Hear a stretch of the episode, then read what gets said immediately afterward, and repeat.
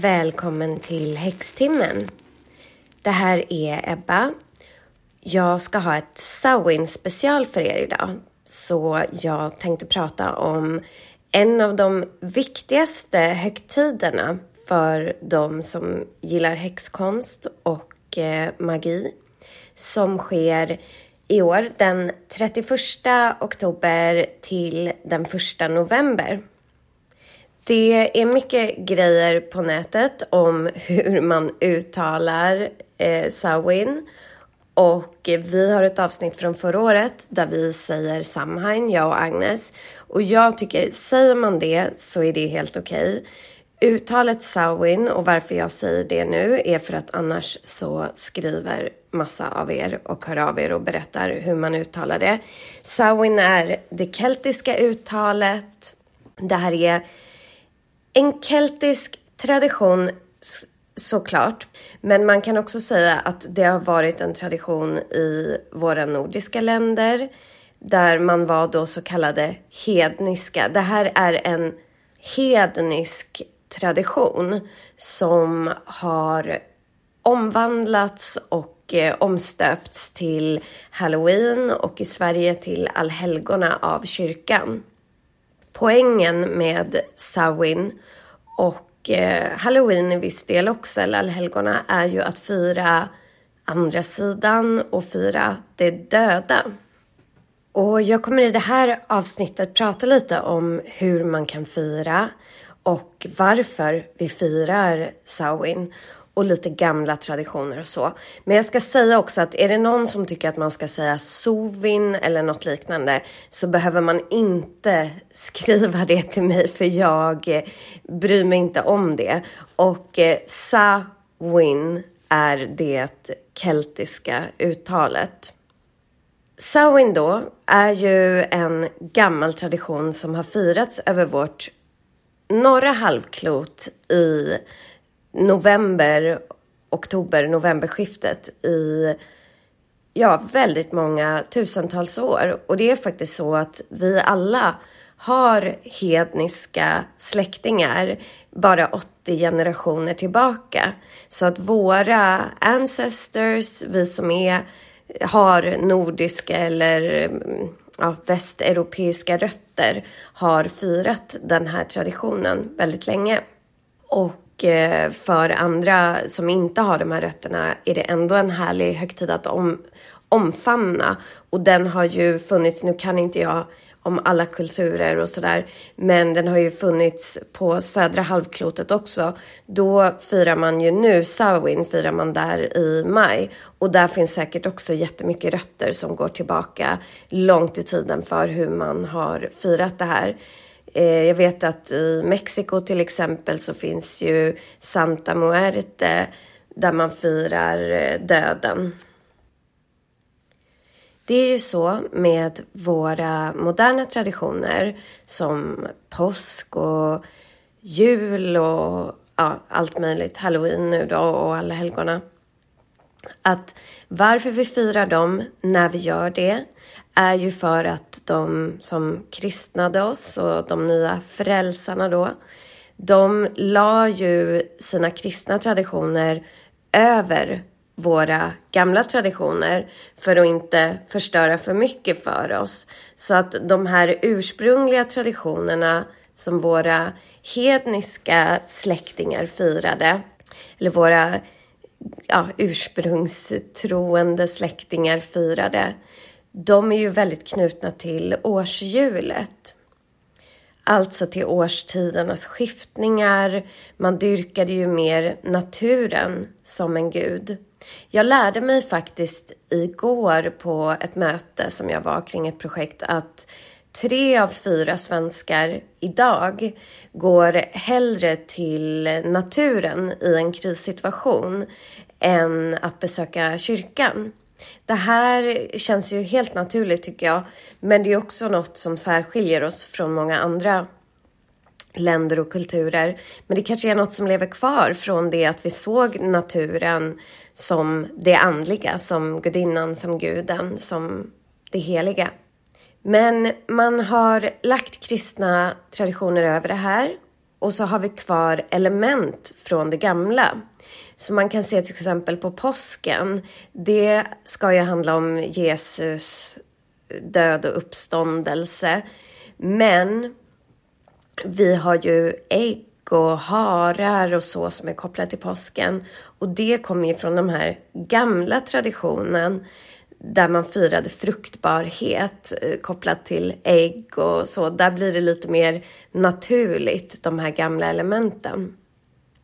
Allhelgona och halloween handlar ju mycket om att tända ljus. Halloween har ju blivit en väldigt kommersiell högtid, men man kan ändå se de här elementen som hänger kvar. Det här med pumpor, att man ska karva pumpor, att man ska klä ut sig.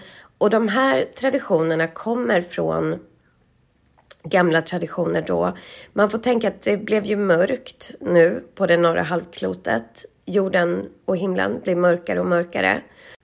Och varför vi firar Samhain när vi gör det är ju för att det anses att just den här natten så är slöjan mellan vår värld och, eller vår dimension ska jag säga, och den andra sidan eller den andliga dimensionen är som allra tunnast.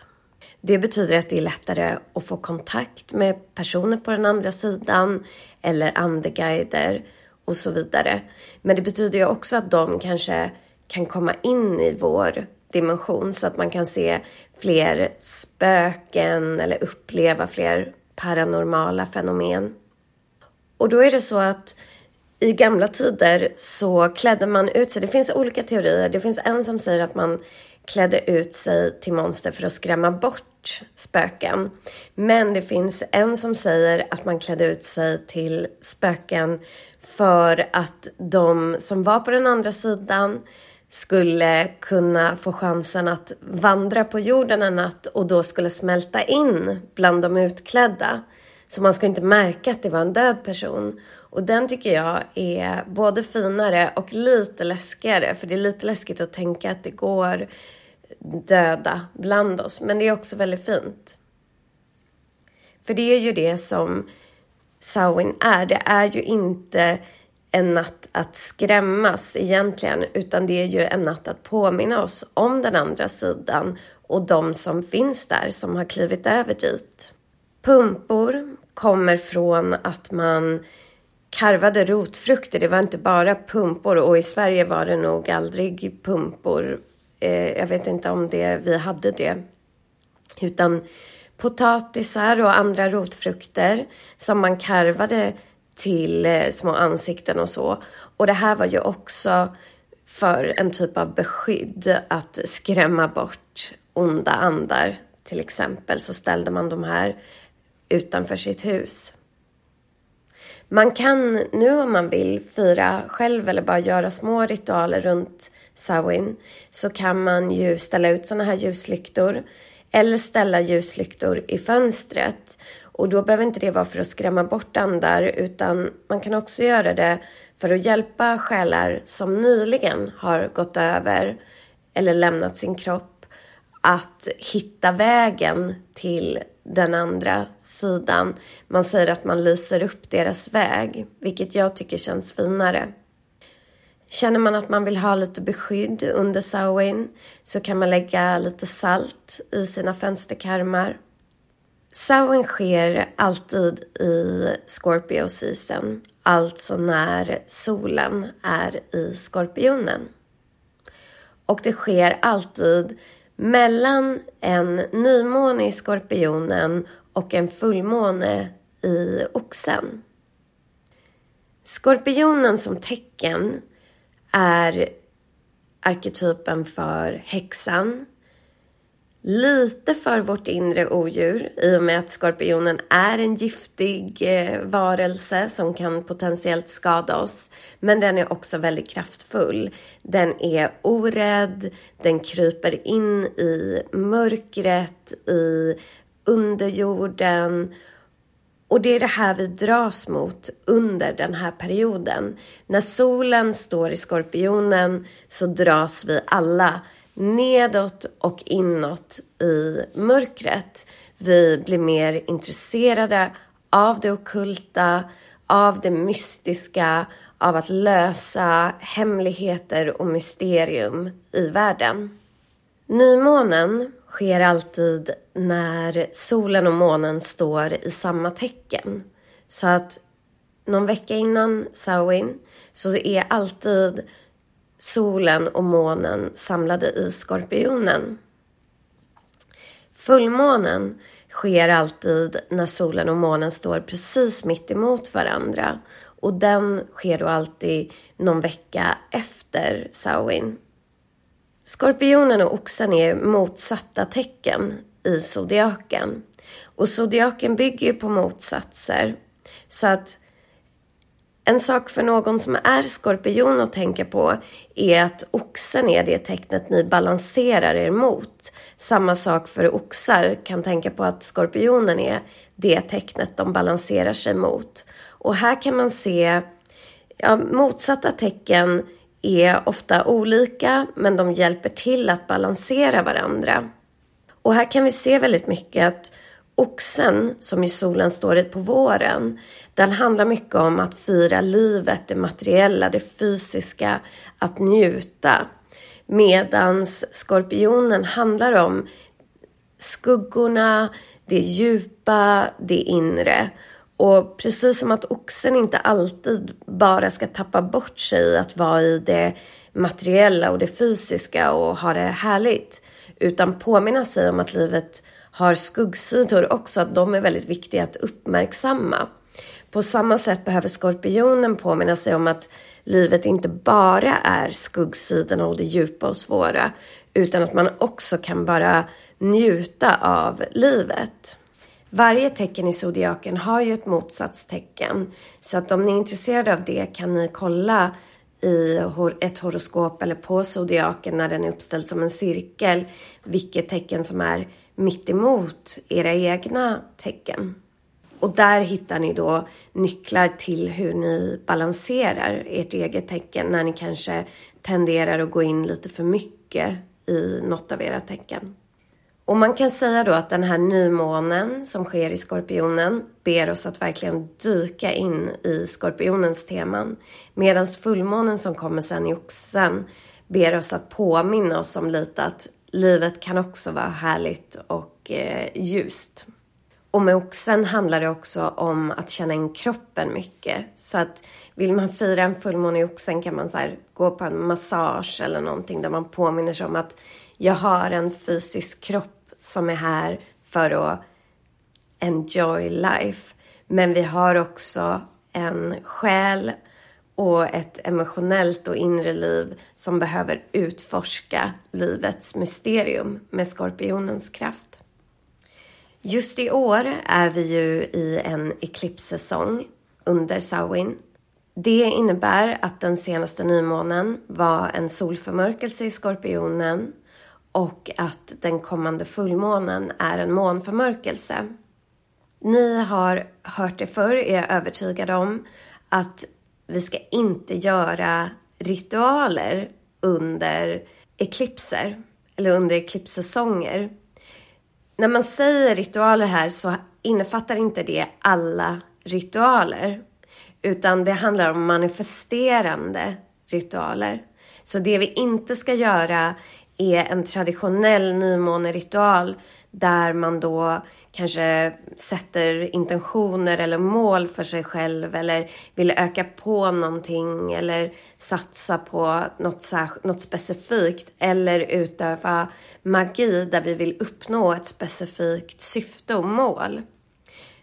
Eklipsen har en så oförutsägbar energi att vi istället ska vara öppna för som, vad som vill komma till oss.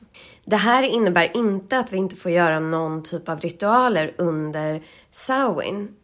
Utan vi får absolut göra skuggarbete, ritualer kring bortgångna seanser, tarot, drömarbete, ritualer för att hedra livets växlingar och så. Och Samhain är ändå inte tiden för att göra särskilt manifesterande ritualer utan det är en tid för att påminna oss om livets dolda sidor, om mörkret, om de människor vi kanske har lämnat då i det förflutna eller till den andra sidan. Så att kör på med Sawin-ritualer men undvik att göra manifesterande ritualer. I förra årets avsnitt om Samhain så pratade jag och Agnes om en Samhain-middag som vi brukar anordna. Man kan göra det tillsammans med vänner eller personer man tycker om. Man kan också fira Samhain på egen hand genom egna ritualer. Något man kan lägga till en ritual eller en sån här middag är att äta sex stycken granatäpplekärnor eller ha med granatäpple på något sätt i sitt firande. Och det här hedrar då myten om Persefone. Persefone kommer ju från grekisk mytologi och på många sätt representerar hon vad Samhain står för. Den här bryggan mellan liv och död. Persefone var dotter till Demeter som är gudinna över skörden. En dag när Persefone var ute och plockade blommor så mötte hon Hades som är härskare över underjorden och som i romersk mytologi och Eh, i astrologi är känd som Pluto. Så Pluto var en romersk version, eller är en romersk version av dödsrikets härskare. Hades blev förälskad i Persefone och han ville ta med sig henne ner till underjorden. Han rövade bort henne. Det här är inte en särskilt trevlig historia utan han ja, kidnappade ju henne kan man säga. Demeter blev tokig av sorg, vilket gick ut över skörden. Inget kunde växa när Persefone var borta för att hennes mamma som styrde över skörden sörjde så mycket. Guden Zeus beslöt sig för att något måste göra för att människorna fick ju inte någon skörd, de fick ingen mat och de var desperata. Så Zeus befallde Hades att släppa Persefone från dödsriket och låta henne återvända till jorden och till sin mor. Men Hades ville ju inte låta Persefone gå. Så han lurade henne att äta sex stycken granatäpplekärnor innan hon steg upp från underjorden. Och äter man en gång av de dödas mat så kan man aldrig lämna deras land. Därför kunde inte Persefone återvända. Men Zeus gjorde en kompromiss här, så han såg till att Persefone skulle vistas ett visst antal månader på jorden och ett visst antal i underjorden. Och det här skulle då utgå från hur många kärnor hon hade ätit av granatäpplet. Så hon fick vistas sex månader på jorden och sex månader i underjorden hos Hades. Och det här ska då bestämma hur många vintermånader vi har här på norra halvklotet och hur många vårmånader vi har. Eller vår och sommar. Så att när Persefone är på jorden då har vi skörd och växterna blomstrar. Och när Persefone är i underjorden så har vi vinter och mörker och då växer inte grödor i vår del av världen. Och vi kan säga att Samhain representerar den här bryggan mellan underjorden och vår dimension, precis som Persefone gör. Ni som har tarotkort kan faktiskt se Persefone i dem, eller delar av henne. Och ni som har en kortlek Waite Smith, även känd som Rider Waite, eller en kortlek som bygger på den, kan titta på kortet High Priestess eller översteprästinnan och eh, Empress eller kejsarinnan. Och där ser ni att Eh, ett granatäpple eller granatäpplet som symbol är med på båda de här korten. High Priestess sitter framför ett skynke och det är granatäpplen på det skynket. Kejsarinnan har granatäpplen på sin klänning. Granatäpple är ju kopplat framförallt till Persefone, även till Afrodite. Men här kan man se Persefone i olika former, alltså i den här vintertiden och i sommartiden. Ni ser på översteprästinnan eller High Priestess då. Hon är stilla, hon är passiv, hon sitter i djupet, i mörkret, i det vi ser i Scorpio season och då i den här vintertiden. Kejsarinnan däremot, där grönskar det, det växer, vi har skörd och hon är aktiv. Så där har vi sommarmånaderna och när Persefone är uppe på jorden i vår levande dimension. Och vi kan tänka nu att vi alla kanske går in mer i High Priestess. Vi ser inåt, vi vänder oss mot stillheten och vi kanske väljer att titta bakom det här skynket som är skynket till vårt eget undermedvetna, till hemligheterna eller kanske skynket då till den andra sidan, den här slöjan mellan världarna. Och under Sawin får vi möjlighet att ta kontakt med de som är på den andra sidan. Vi får möjlighet att kanske kika in bakom den här slöjan som skiljer våra dimensioner åt. Därför kan vi uppleva mer, ska, ja, man kan kalla det paranormala fenomen eller känslor eller intryck från andevärlden. Det kan vara vanligt att drömma om personer på andra sidan och det kanske är deras sätt att säga hej till oss. Man kan också se saker och till viss del kan ju magi bli kraftigare, men jag tycker framför allt att det är en bra tid att spå i tarotkort eller i pendel eller vad man nu använder, spå i kaffesump, te. För vi får lättare kontakt med det intuitiva. Ha en seans är en perfekt grej att göra kring Samhain. Man kan också om man vill göra ett litet altare i sitt hem eller bara ställa upp, alltså på en hylla eller någonting, eh, bilder eller symboler för personer som har gått bort som man saknar på den andra sidan.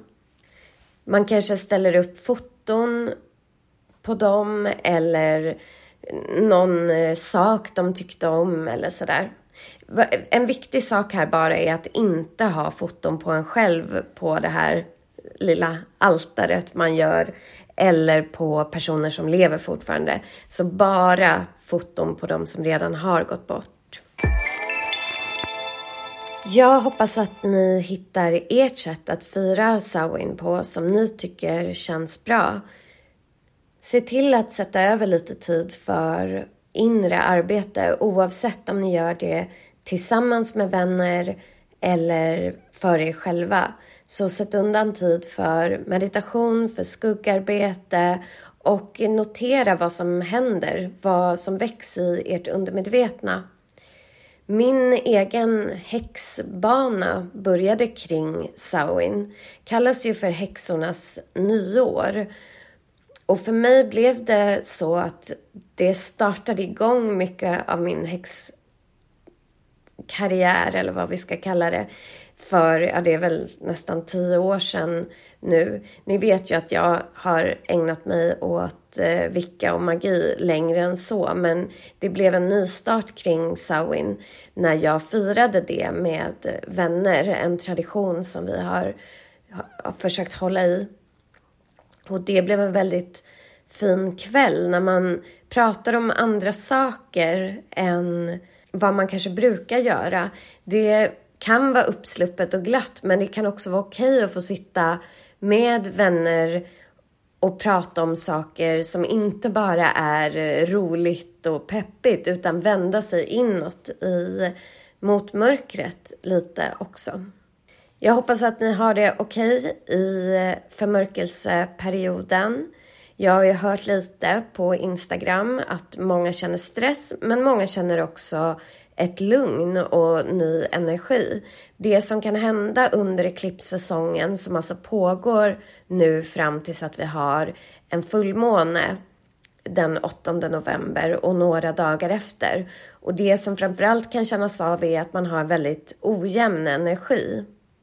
Man kan få plötsliga infall av eh, energi och kreativitet och sen känna en enorm trötthet.